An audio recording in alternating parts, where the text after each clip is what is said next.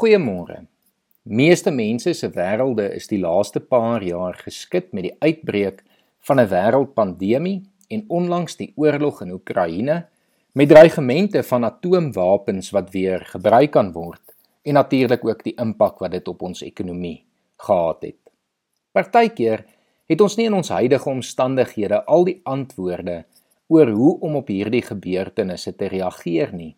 En is dit dan goed om te luister na wat gelowiges in ander tye te sê gehad het oor soortgelyke omstandighede?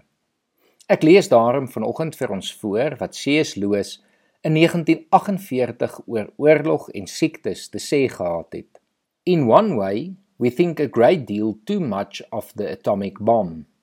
How are we to live in an atomic age? I am tempted to reply, Why?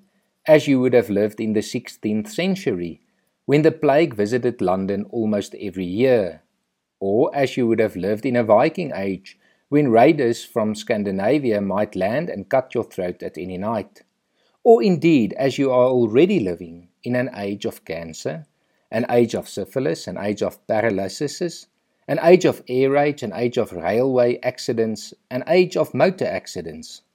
In other words, do not let us begin by exaggerating the novelty of our situation. Believe me, dear sir or madam, you and all whom you love were already sentenced to death before the atomic bomb was invented, and quite a high percentage of us were going to die in unpleasant ways. We had, indeed, one very great advantage over our ancestors, anesthetics. But we have that still. It is perfectly ridiculous to go about whimpering and drawing long faces because the scientists have added one more chance of painful and premature death to a world which already bristled with such chances and in which death itself was not a chance at all, but a certainty. This is the first point to be made and the first action to be taken is to pull ourselves together.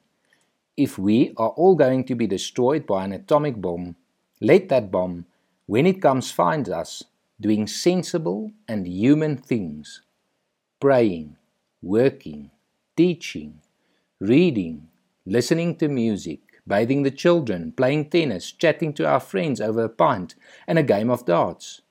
Not huddled together like frightened sheep and thinking about bombs.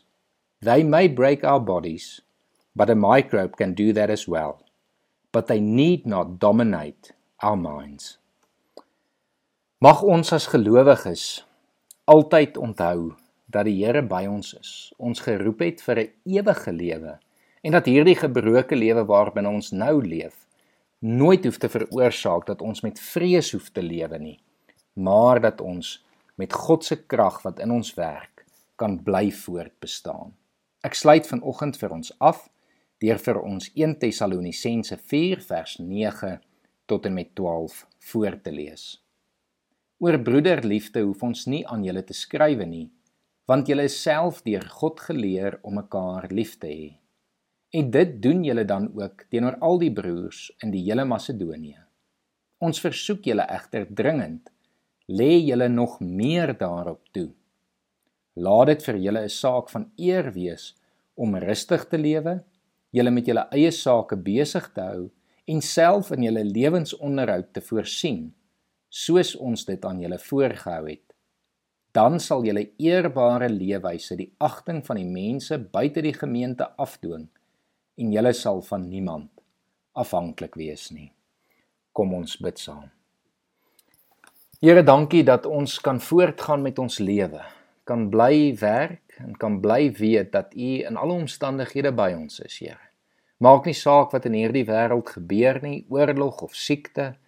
Here, ons weet tog dat U goedheid, U genade, U liefde meer as genoeg vir ons is. Here, help ons dan om daarop te fokus en help ons om deur ons leefwyse uit liefde en nie uit vrees nie vir almal rondom ons 'n voorbeeld te wees. Amen.